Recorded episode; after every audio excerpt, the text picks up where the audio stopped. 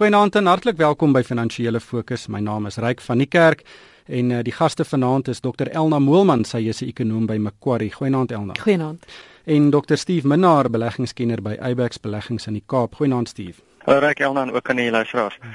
Wel die groot nuus van die week is natuurlik die rentekoers uh, wat met 'n halwe persentasiepunt verhoog is um, en die prima uitleenkoers is nou bo 10% vir die eerste keer in baie jare. Elna, ons ekonomie is werklik besig om te stotter amper soos 'n ou Lister engine van ouds en die tydsberekening van hierdie verhoging kan nie eintlik slegter wees nie. Wat dink jy gaan die impak wees? Ek dink waar die Reserwebank op hierdie stadium gefokus is is inflasieverwagtinge en wat mense in die langer termyn verwag. En waar hulle bekommerd is is jy het nou hierdie geweldige wisselkoersskok gehad en dit gaan nou inflasie aanwakker ten minste in die kort termyn en die risiko is dat mense dan begin verwag dat dat inflasie langer termyn ook redelik hoog gaan bly. En en ek dink dit is deels daarop wat hulle gereageer het. Maar dit is so dat dit 'n baie slegte groei prentjie is en hulle is deeglik bewus daarvan. En ek dink as 'n mens dan nou kyk hoe hulle gestem het in terme van die regte besluit sê daardie stemverdeling vir jou dit was 'n baie moeilike besluit. Daar is kommer oor inflasie. Hulle verwagting vir volgende jaar 7% wat nogal skokkend is as jy dink dis 12 tot 24 maande vooruit so hoog. So van daai perspektief af voel hulle dan met ander woorde hulle sal iets moet doen, maar hulle is bekommerd oor die groei storie.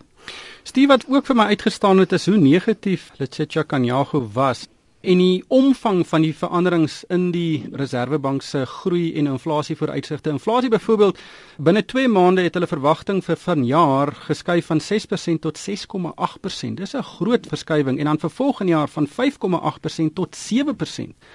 En soos ek gesê het, dit is uh daai verwagtinge het verander in 2 maande. Ja, jy weet as mens net nou kyk wat in die land gebeur het oor die laaste 3 maande, net hoe die rand geskuif het teenoor meeste van die die wisselkoerse waar ons meeste van ons goedere van invoer, het dit 'n geweldige impak, weet in terme van 'n invoerbelasting impak wat jy gaan hê. Die droogte wat ek weet ons die droogte kom nou al 'n tydjie aan, maar mense seker maar so halftyd vasgehou dat die droogte gebreek gaan word en dat ons minder uh, uh, mielies in in, in koring bevoel hoef in te voer so al die invoere en nou teen 'n baie swakker wisselkoers dit op sigself het 'n geweldige impak op die inflasieverwagtinge. So ek dink dinge het definitief agteruit gegaan in die laaste paar maande en ek dink hulle is realisties om so te sien. Jy weet daar's allerlei goed te sê oor gaan ons afgradeer word deur die instansies wêreldwyd in terme van ons kredietstatus ensovoorts. Dit is allerlei weet net eh, ek kan sê sê goed van die van die politici, maar hierso kan jy werklik waar sien iemand wat na aan die syfers kyk, want na die direkte impak kyk van die wisselkoers en die plaaslike ekonomie. En uh, ek is bly hulle sien dit in 'n redelike realistiese al is dit nou miskien 'n negatiewe, maar dit het voel vir hulle 'n meer realistiese siening van wat aan die gang is. Elna, ek is nou nie 'n ekonom nie. Ek het nog in die 90s klas gedraf uh, in die ekonomie klas van St Pieter Blanche. Maar verduidelik vir ons, hoe doeltreffend is dit om rentekoerse te verhoog om inflasie um, te beheer? Waar die Reserwebank gefokus gewees gaan absoluut hierdie inflasieverwagtinge wees. Met ander woorde, as dit net gegaan het oor voedselinflasie byvoorbeeld wat hoër was en niks anders het gereageer nie, dan sou mens verwag dat die Reserwebank niks sou gedoen het nie, maar daar is niks wat 'n rentekoersverhoging aan die voedselinflasie kan doen nie. Maar as jy hoër voedselinflasie het en dan nou nog 'n wisselkoers wat op meeste ander pryse inwerk en mense begin dan verwag dat inflasie 7% gaan wees of meer en hulle glo nie dat die Reserwebank iets gaan doen om inflasie in langer termyn terug te bring nie en daardie verwagtinge word ingebou dan skep jy vir jouself amper 'n prysspiraal en dis wat die Reserwebank probeer voorkom. Maar soos ek vroeër gesê het, ek dink die belangrike punt is net om te onthou dit was nie 'n maklike besluit nie. So daar is teenargumente. Daar is 'n argument wat sê vraag is baie swak. Ek is baie bekommerd oor die Reserwebank se groei vooruitskatting vir volgende jaar. So hulle groei vooruitskatting is baie soortgelyk aan die IMF se wat hulle onlangs gepubliseer het dat volgende jaar amper 2% groei gaan wees. Ons groei vooruitskatting is baie laag. So ons dink dit gaan sub 1% wees beide hierdie jaar en volgende jaar. So as hulle met ons saamgestem het weer eens sou die argumente vir 'n 50 basispunt verhoging op hierdie stadium dan met ander woorde baie flouer gewees het. Maar wat kan die impak wees van daai van daai verhoging? Jy weet die Reserwebank kan nie op sy eie inflasie in toom hou nie. Die die hele regering moet basies werk om dit te, te doen. Weet ons sien baie administratiewe pryse wat styg baie vinniger as inflasie. Salarisse in die staatsdiens wat vinniger styg as inflasie. En nou sit die Reserwebank op sy eie, hy stoot nou rentekoerse op. Mense met skuld, verbruikers moet nou optok daarvoor En uh, ek dink nie daar is baie wat gaan gebeur met inflasie deur bloot net die rentekoers op te stoot nie. Ek het net twee impakte, soos wat ek nou verduidelik, die inflasie verwagting hou jy so 'n bietjie in maar en dan natuurlik die wisselkoers impak. Met ander woorde, sou daardie inflasie verwagtinge baie hoër gewees het, sou dit lei tot volhoubare verswakking of aaneenlopende verswakking in die wisselkoers en en dit word dan deel van 'n groot inflasieprobleem. Ek dink 'n mens moet net dit eenvoudig aanvaar. Die Reserwebank is in 'n baie moeilike posisie. Ons het baie beleidsfoute in ander dele van die regering gemaak oor die laaste paar jaar.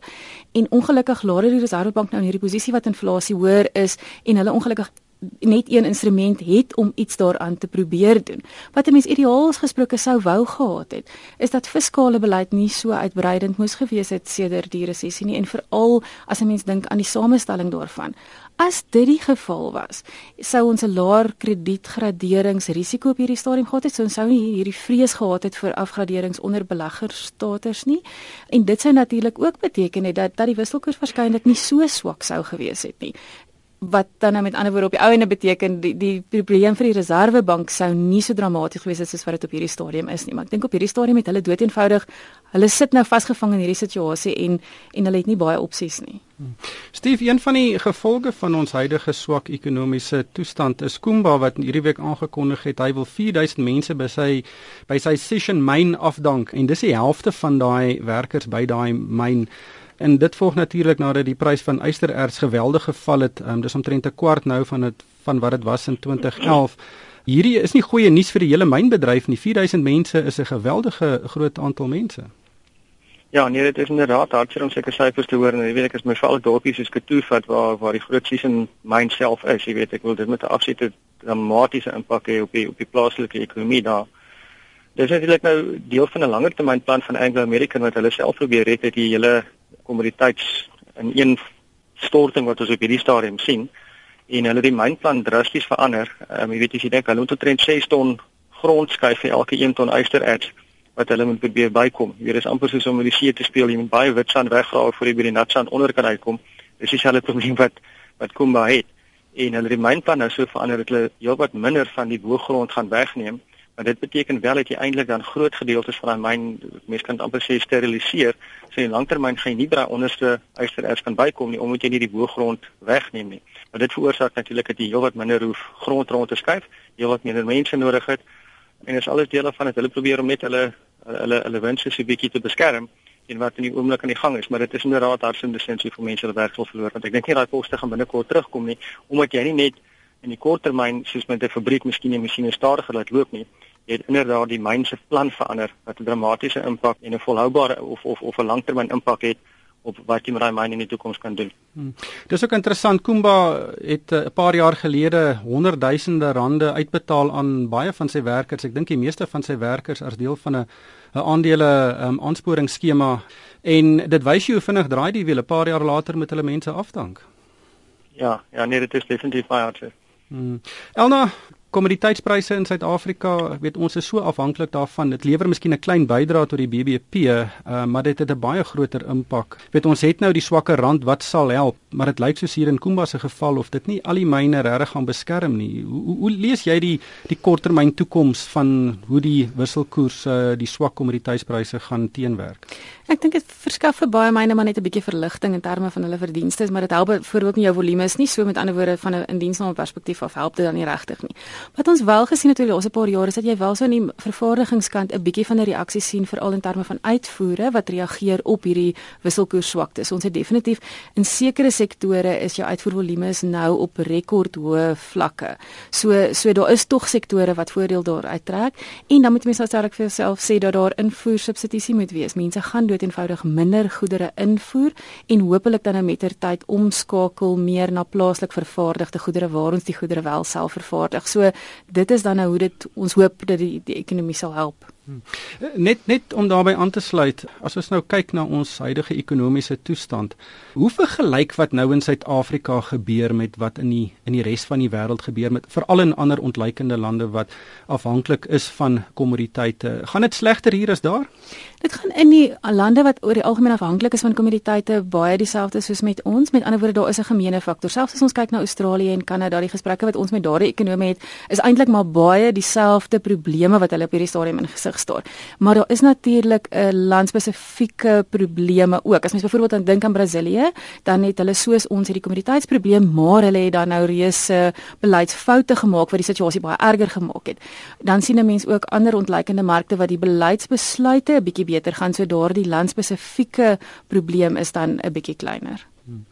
Steve, ons 'n bietjie gesels oor die markte, die markte het verrassend genoeg positief gereageer op die rentekoersverhoging, maar wat vir my uitgestaan het is 'n verslag wat Absa uitgepubliseer het wat sê dat ons die afgelope 3 maande uitvloei van kapitaal uit Suid-Afrika gesien het, buitelanders wat hulle geld uitgeneem het omtrent 16 miljard rand per maand. Is dit 'n wesenlike bedrag? Ja, dit is inderdaad 'n wesenlike bedrag. Jy weet, ons het groot mate is ons afhanklik van daai buitelandse vloei om net ons totale rekening so 'n bietjie beter te laat lyk. So as die buitelanders besluit hulle gaan geld uitneem om nie staatseffekte koop nie of nie 'n plaaslike aandele belê nie, dit wel 'n wesenlike impak in langer termyn. Dit is natuurlik nou ook impak ook op die op die wisselkoers. In terme van die mark self, weet jy, jy moet dink vir 'n buitelander, weet ons kyk miskien na ons mark wat sê ons is 'n paar persent af sedert die begin van die jaar of vir 'n buitelander wat in dollars hier belê het, jy weet hy het 'n uh, baie baie swak opbrengs gekry in vir sy dollars want hy het nog verloor op die wisselkoers ook, boonbehalwe wat hy verloor het in die plaaslike mark. So dit is 'n bekommernis as die mark swak doen. In terme van die die, die impak van die aankondiging op die mark, ek dink miskien is die mark bietjie meer positief om te sien dat ons die Reservebank wat bereid is om om aksie te neem, neem die wisselkoers te beskerm, maar net die die verwagting van inflasie te adresseer om in in in 'n vroeg te doen nie te wag tot dit hooplik te erg gaan nie. En dit natuurlik die, die rand bietjie laat versterk en maar is ook net mens 'n bietjie saam lees die hele kommoditeitskompleks is 'n bietjie kop opgelig en net die myne wat van 'n absolute laag vreeslike laagtepunt af net 'n bietjie kop opgetel het en natuurlik 'n groot impak gehad op die totale vlak van ons um, van ons mark. Die wisselkoers is 'n uh, tema wat ons nou al vanaand 'n uh, hele paar keer gehoor het Elna. Wat dink jy kan in die kort termyn gebeur met die wisselkoers? Jy weet almal hoop natuurlik dat die wisselkoers gaan verstewig of meeste mense in Suid-Afrika hoop dit gaan verstewig, maar uh, hoop is natuurlik 'n baie baie slegte ding as dit kom by die ekonomie en markte. Wat dink jy gaan gebeur? Ek dink soos ons nou reeds gesê die kommoditeitstorie gaan waarskynlik nie baie beter word in kort termyn. So dis onwaarskynlik dat dit positief kan wees vir die rand. Ek dink daar's twee faktore wat positief kan wees. Die een is natuurlik die hele beleidsraamwerk. So sedert Desember is mense baie bekommerd. Hulle is nie meer seker oor wat moontlik is in terme van beleidsbesluite in Suid-Afrika nie. So die risikopremies op hierdie stadium geweldig hoog as ons weer sekerheid kry. As ons met ander woorde 'n baie goeie begroting kry en baie duidelike tekens dat die fiskale risiko's geadresseer word, sal dit reeds positief wees, maar ons het dan nou ook ander tekens nodig dat die regering ernstig is daaroor om die regte omgewing vir groei te skep. As daardie goed gebeur, dink ek dit behoort die rand 'n bietjie ondersteuning te gee, maar dit gaan nou net wendig oornag gebeur nie. Jy sal eers die beleggers moet oortuig dat enigiets wat jy sê wel deurgevoer gaan word in praktyk. Ek dink nog steeds die lopende rekening gaan 'n bietjie verbeter en dit kan dan natuurlik ook bietjie rand positief wees. Net laastens uh dis nie alles is nie die regering se fout nie, um, maar ons is vasgevang in 'n baie groot droogte. Ek daai het nou baie reën geval onlangs in groot gebiede, maar eh, Elna ons gaan nog steeds 'n uh, 'n baie lae graanproduksie sien hierdie jaar en dit gaan uh, dis vergelykbaar met vlakke wat ons laas in 2007 gesien het. Gaan dit so 'n groot impak hê? Ja. Ek is baie bekommerd daaroor. So enerzijds gaan jy waarskynlik minder werksgeleenthede in die landbousektor sien die op die heel minste moet jy verwag dat daar minder seisoenswerkers gaan wees. So dit gaan 'n groot impak reeds op die 'n groot deel van die arm deel van die bevolking wees en dan moet mens sê daardie voedselinflasie gaan baie hoog wees. So ons dink dit gaan ten minste na 10% toe gaan en as 'n mens dan nou dink weer eens vir die onderste deel van die bevolking uh, inkomste gewys, gaan hulle inflasie dan baie hoog wees. Ek dink die situasie gaan teen die einde van die jaar baie desperaat word vir die uh, kwesbaarste deel van die bevolking. Steve, ehm um, en, en en dit is net 'n nog 'n wind wat teen ons waai. Ehm um, en ongelukkig kan mens baie min daaraan doen. Hoe dink jy gaan dit die land uh, raak? Ja, ek kan nie ek kan nie met ekonomie strei nie. Ek dink Elna is heeltemal reg in terme van die impak wat sy verwag daarso. Ehm um, ek dink dit is maar 'n tydperk van Suid-Afrikaners van 'n bietjie die belt en syfer trek in hierdie jaar. Jy weet, ons het 'n hele paar winde van vooraf. Maar weet hierdie goed is dis ekonomiese siklusse. Jy weet, terwyl dit nou aan die gang is, jy weet, hulle ou polse sny en ek dink is iets verskrikliks en dit gaan nooit weer beter gaan nie en net mense kyk nie verlede, dis altyd ekonomiese siklusse. Het self maar vasbyt en die druk maar dis ook hoekom ek dink dit baie belangrik is dat die regering die regte beleidsbesluite neem. Soos hulle voorgenoem het die lande wat die regte beleidsbesluite geneem het veral ontleikende ekonomieë terwyl dit goed gegaan het in die kommoditeitskompleks, het nou so 'n bietjie spaargeld opgebou. terwyl lande soos ons in Brasilië wat dit nie goed genoeg gedoen het nie. Nou is daai koffers leeg. Jy weet, en nou moet jy op ander maniere gaan probeer rondkrap om jou in die in die in die swak jare, die maar jare, bietjie uit te help. So ek dink is almal maar so 'n bietjie tyd om om om weer te gaan dink hoe jou jou ekonomie beplan, jou persoonlike dinge beplan en dan as jy ietsie wegsit vir 'n maar jare. Hmm. Uh, net laastens Steve, een van die my gewildste maatskappye is die Amerikaanse tegnologiegroep Apple wat wonderlike produkte maak, maar hulle het swakker as verwagte resultate hierdie week aangekondig. Die mark het vir hulle regtig gestraf. Hulle het 36 miljard rand van hulle markwaarde verloor. Nou dis 600 miljard rand is omtrent die helfte van die ons um, inkomste begroting, 'n geweldige hoop geld.